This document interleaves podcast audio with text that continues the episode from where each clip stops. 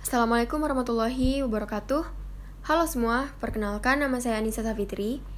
Jadi di podcast kali ini, saya mengangkat tema yaitu Pandemi dan Tantangan Ketahanan Nasional Indonesia, sebuah tinjauan kritis. Baik, kita langsung saja ke pembahasan. Pertahanan negara tidak lepas dari spektrum ancaman baik militer maupun nirmiliter yang dihadapi dan upaya yang dilakukan untuk mengatasinya.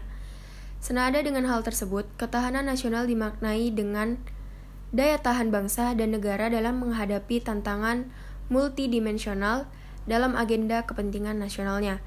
Secara umum, agenda kepentingan nasionalnya terdapat delapan elemen yang mendukung tercapainya ketahanan nasional Indonesia dalam deskripsi dari Asgatra Ketahanan Nasional, yakni meliputi aspek geografis, kekayaan alam, demografis, ideologi, politik, ekonomi, sosial budaya, serta pertahanan keamanan.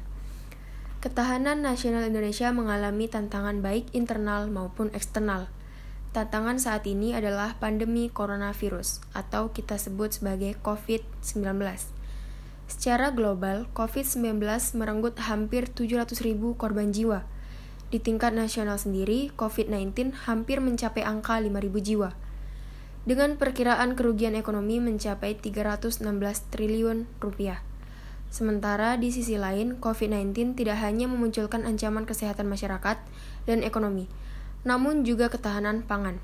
Indonesia yang memiliki ketergantungan impor kini semakin mengarah kepada kelangkaan pangan akibat terhentinya aktivitas ekonomi secara masif maupun aksi penimbunan bahan pangan.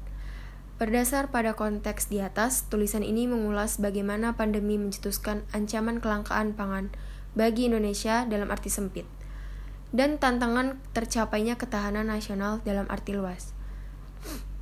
Baik, e, mungkin ini saja yang dapat saya sampaikan. Kurang dan lebihnya saya mohon maaf. Saya akhiri. Wabillahi taufik wal hidayah. Wassalamualaikum warahmatullahi wabarakatuh.